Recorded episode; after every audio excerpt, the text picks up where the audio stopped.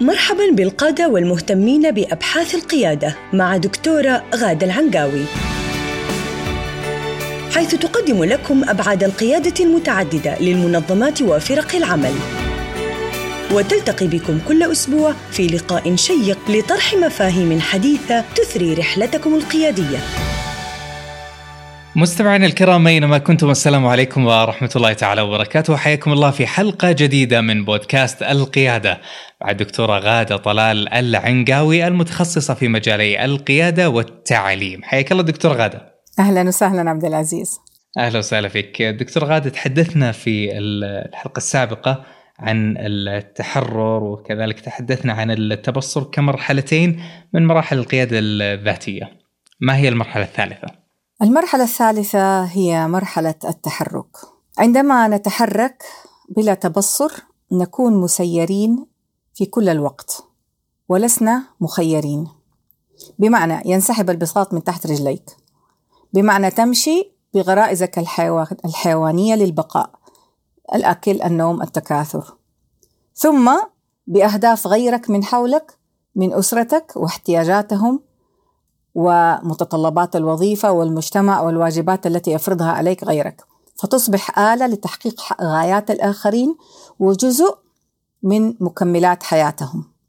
مثلا تستيقظ صباحا على السيارة وهي لا تعمل والزوجة تطلب منك أغراض المنزل والمدرسة تتصل لأن الطالب لم يحضر متطلبات مادة الرسم والعمل تأخرت عليه فأنت مخصوم من راتبك ذلك اليوم.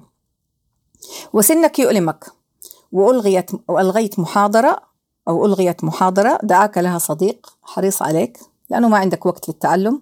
وفي نهاية اليوم تستجيب لدعوة عشاء من شخص لا تعرفه أو بالكاد تعرفه. وتخرج من هذه العزومة مسرع إلى زيارة ولدك المريض. آه، اللي اتصل عليك أمس وقال لك أنا مريض. أخذوا أخوك المستشفى بدل منك وفي الأخير تنام مرهق لا تدري ماذا أكلت ولا مساحة للرياضة ولا العلاقات ولا حياتك مسيرة آه، بين الأزمات وبين متطلبات الآخرين. فالتحرك آه، آه، لا يكون إلا بتبصر. وإذا ما في تبصر ما في أهداف ما في رؤية ما في رسالة ما في ستتحرك للوراء. مو كما يقولون مكانك سر بل للوراء. وهناك ثلاث عناصر للتحرك. طبعا مبنية على الأهداف التي حددتها في مرحلة التبصر التخطيط والتنفيذ والتقييم. طيب دكتورة ماذا يحصل إذا تحركنا بلا تبصر؟ ستصبح كما ذكرت يعني آلة للآخرين. يعني يعني ما في عندك ستصبح استجابتك لما يحدث أمامك تلقائية. آه، إيش يطلع قدامك؟ تمشي وراه. جعت أكلت. آه، كلمك أحد قال لك تعال أبغاك. رحت. الزوجة طلبت منك شيء أعطيتها. الولد بكي رحت سكته. يعني أنت ما عندك ما عندك شيء تعمله آخر. يملأ عليك وقتك ولا ينظم علاقاتك بالآخرين. وهذا ما هو غلط كثير من الناس عايشين بهذه الطريقة. لكن آه، زي ما حنشوف فيما بعد كيف إنه أنت إذا ما تبص تحركت آه، نتيجة التبصر. يعني أنت الآن عندك خريطة وعارف إيش تبى تعمل في حياتك ولكن ما تتحرك. تتحرك حسب الآخرين. أو ما عندك الخريطة هذه. هذه كلها تعتبر آه، يعني معوقات. للوصول للغاية من حياتك. جميل. طيب دكتورة في عناصر ثلاثة قضية التخطيط والتنفيذ والتقييم كذلك هذه هل هي يعني أمور متوالية أم هي أمور متطابقة؟ هي ما هي متطابقة يعني ما هي ماشية مع بعض في خط مستقيم آه، محاذية لبعض آه، تسند بعض. لكن خلينا خليني أشرحها بطريقة مختلفة. خليني أقول إنه التخطيط قد يتبع مسار مختلف في العمل والمهنة عن مسار الحياة الخاصة عن مسار العلاقات عن مسار آه، خططك في الحياة الاجتماعية عن مسار صحتك خططك في صحتك. طيب ولو أخذنا مسار المهنة أنت تخطط لمهنتك وتنفذ وفي نهاية العام تقيم. أو تقيم يقيم أدائك ثم يخطط لك من جديد ثم تنفذ ثم يقيم وهكذا. في في دائرة محكمة معروفة حول عملية التقييم للمهنة. وهي يعني تقريبا أوضح شيء وإذا أنت موظف يعني ما تحتاج حتى تفكر كثير كيف متى حتصير وكيف حتصير. المشكلة فين؟ المشكلة في حياتك الخاصة.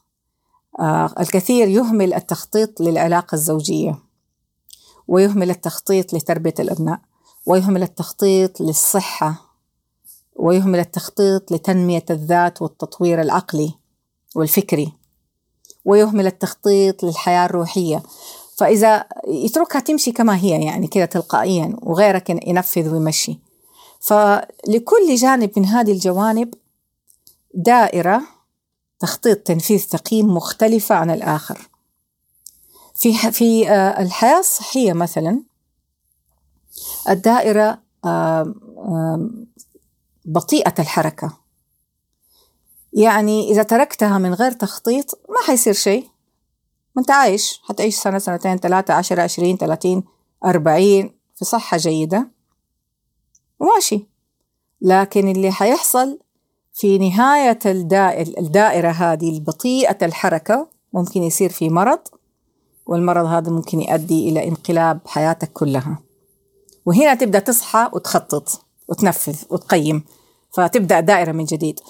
في المهنة إذا ما نفذت بطريقة صحيحة حيكون التقييم سيء حتنفصل من عملك. فالدائرة قصيرة. دائرة التحرك.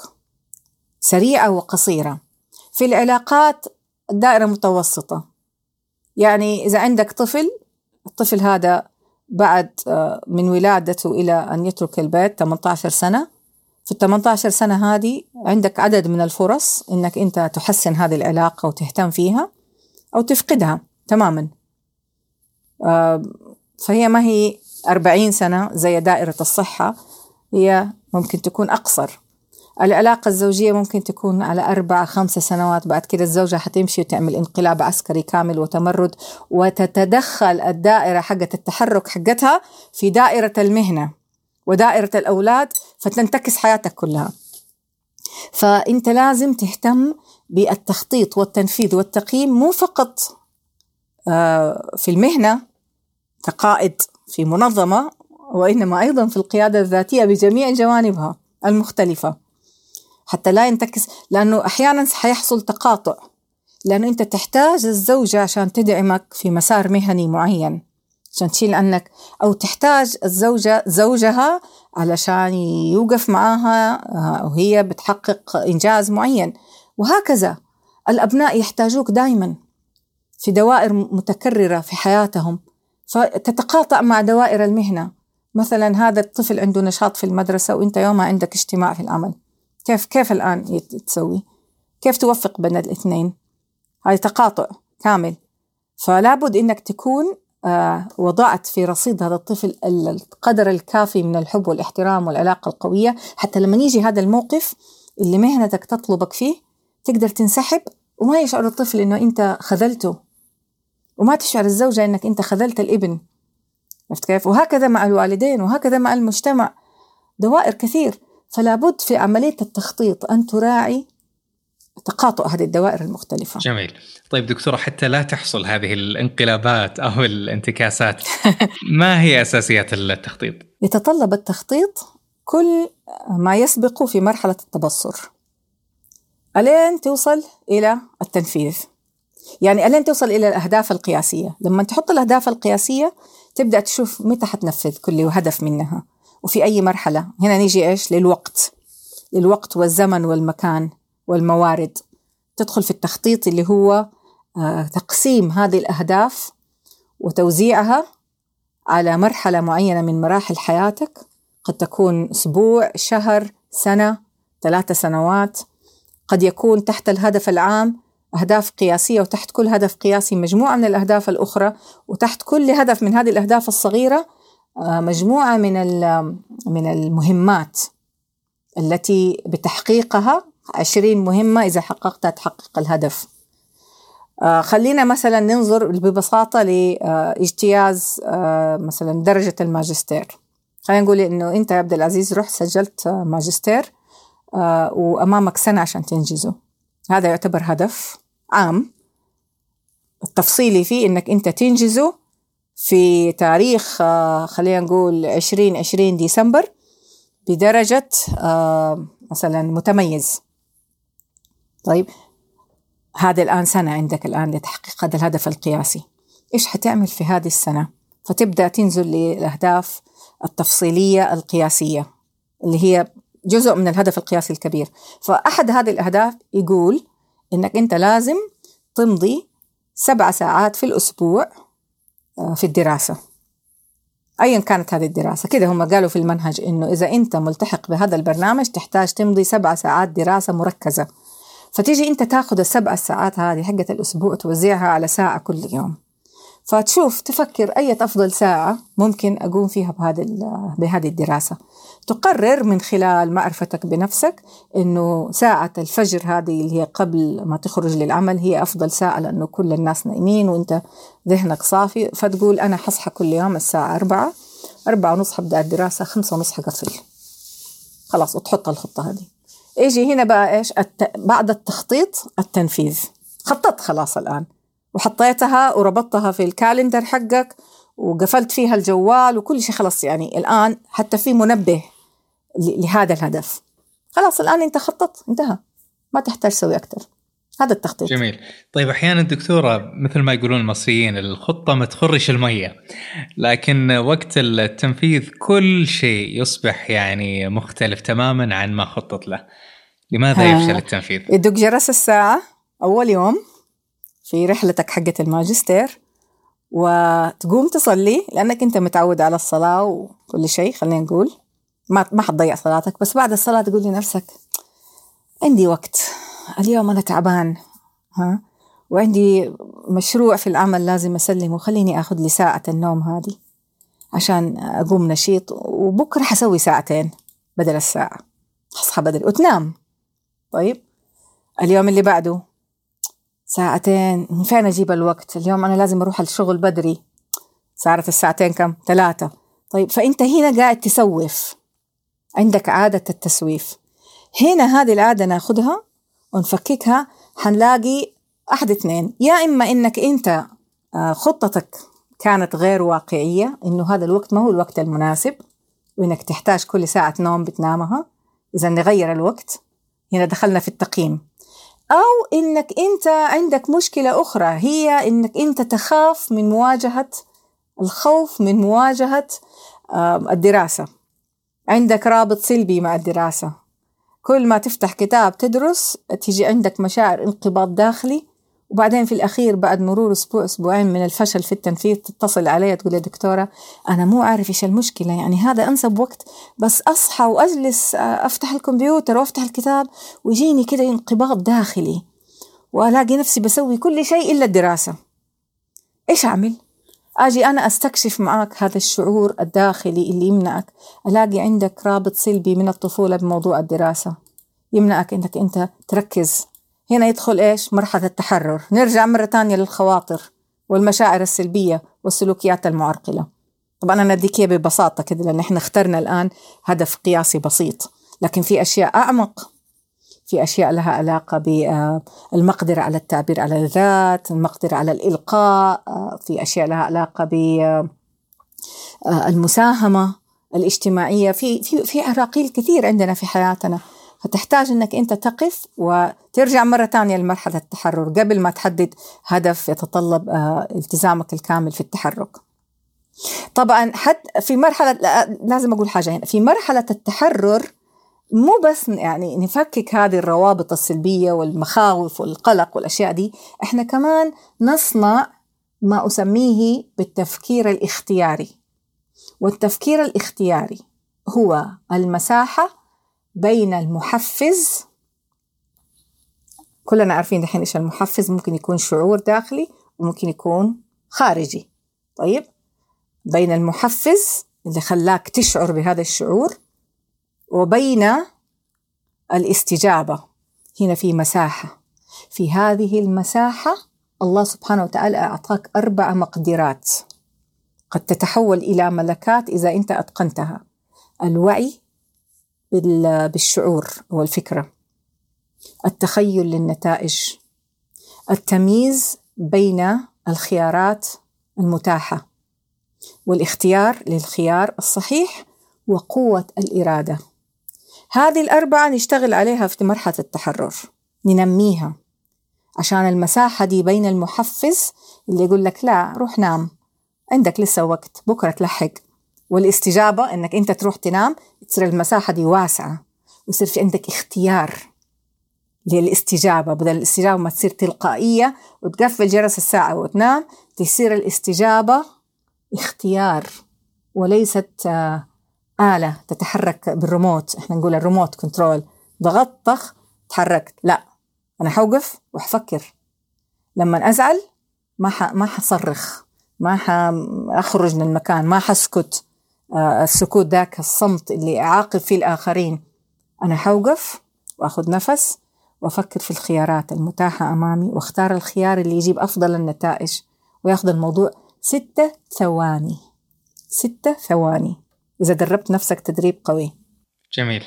طيب دكتور أخيرا عندنا موضوع التقييم. التقييم كيف يحدث ومتى يحدث؟ طبعا لما يحدث آه، نجاح أو فشل في كل الأحوال.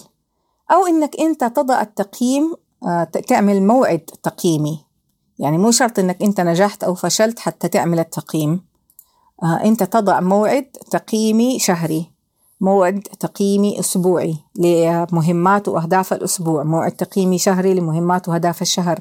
موعد تقييمي ربع سنوي وموعد تقييمي سنوي. ترى أنا أتكلم عن الحياة الخاصة الآن القيادة الذاتية. أنا ما بتكلم عن تنظيم ولا وظيفة. أنا بتكلم عن نفسك مع نفسك. يعني البعض قد يستغرب يقول كيف أسوي شيء زي كده مع نفسي؟ أقول لك نعم التقييم إنك تعمل موعد أسبوعي مع نفسك تجلس فيه لمدة ساعة تنظر كيف أسبوعي مر وكيف أبغى الأسبوع الجاي يعدي؟ وإيش في أشياء ما قدرت أعملها؟ وليش؟ إيش السبب؟ ما هي العراقيل هل هي شخصية داخلية؟ أحتاج إلى تحرر؟ أو هي خارجية؟ أحتاج إلى إعادة ترتيب طريقة تنفيذ الأهداف؟ آه، ما هي واقعية؟ ما هي مقسمة بشكل صحيح الهدف كبير يبغى له تفصل أكثر ويصير مهمات أصغر وأصغر. أوكي؟ أو شهري مرة في الشهر بجلس ساعة مع نفسي أو ساعتين أو مرة كل ثلاثة أربع شهور أو سنوي أو كلها. يعتمد أنت إنسان عندك كثير تنجزه لأنه إذا أنت نجحت مع نفسك في في جانب عندك أفكار وعندك مشاريع وعندك تطلعات فلا بد أنك أنت تكون أنت منظمة بذاتك الآن. التقييم هو أن تنظر في خطتك العامة في مرحلة التبصر ترجع للتبصر وتنظر نظرة صقورية نظرة الصقر من مكان مرتفع لترى الموقع قبل أن تسقط لتنفذ آه، خطتك. ترى الموقع اللي حتنزل فيه بس تشوفه من فوق وعندك حدة بصر وبصيرة تسمح لك بتقييم حياتك. في تلك اللحظة بالنسبة لرؤيتك رسالتك أهدافك العامة وأهدافك التفصيلية. وترجع مرة ثانية للتحرك. فالتقييم هو آه، جزء منه آه، مقارنة وتحليل وتفكيك وتفكير وتأمل وجزء منه تبصر. لأنه ممكن أكتشف إنه خطتي ما هي محاذية لرؤيتي. وإنه أنا انحرفت فيها فأرجع مرة ثانية للتبصر عشان أربط الرؤية بالخطة. جميل. إذا الموعد التقييمي اليومي والشهري والأسبوعي هذا على المستوى الشخصي أما على مستوى البرنامج فهو وصل إلى الموعد آه، في نهاية الحلقة. نعم. أنا نشكرك كل الشكر الدكتورة غادة طلال العنقاوي على وقتك الثمين. ونلتقيك في الحلقة القادمة بإذن الله تعالى. والشكر موصول لكم أنتم أيضا مستمعين الكرام أينما كنتم. وأيضا ننوه في ختام الحلقة إلى أنكم مستمعين الكرام بإمكانكم أن تتواصلوا بشكل مباشر مع الدكتورة غادة لطرح الأسئلة والتعليق على هذه الحلقة والحلقات السابقة من خلال موقع البودكاست الخاص وهو newcharismaticleader.com والموقع أيضا موجود في وصف هذه الحلقة. في الختام تقبلوا أطيب التحايا مني أنا محدثكم عبد العزيز الحجي. نلتقيكم في الحلقة القادمة. على خير. إلى ذلك الحين. دمتم في رعاية الله وحفظه وإلى اللقاء. استمعتم للدكتورة غادة العنقاوي تتحدث عن قيادة المنظمات وفرق العمل في بودكاست القيادة. إلى أن نلقاكم مجدداً.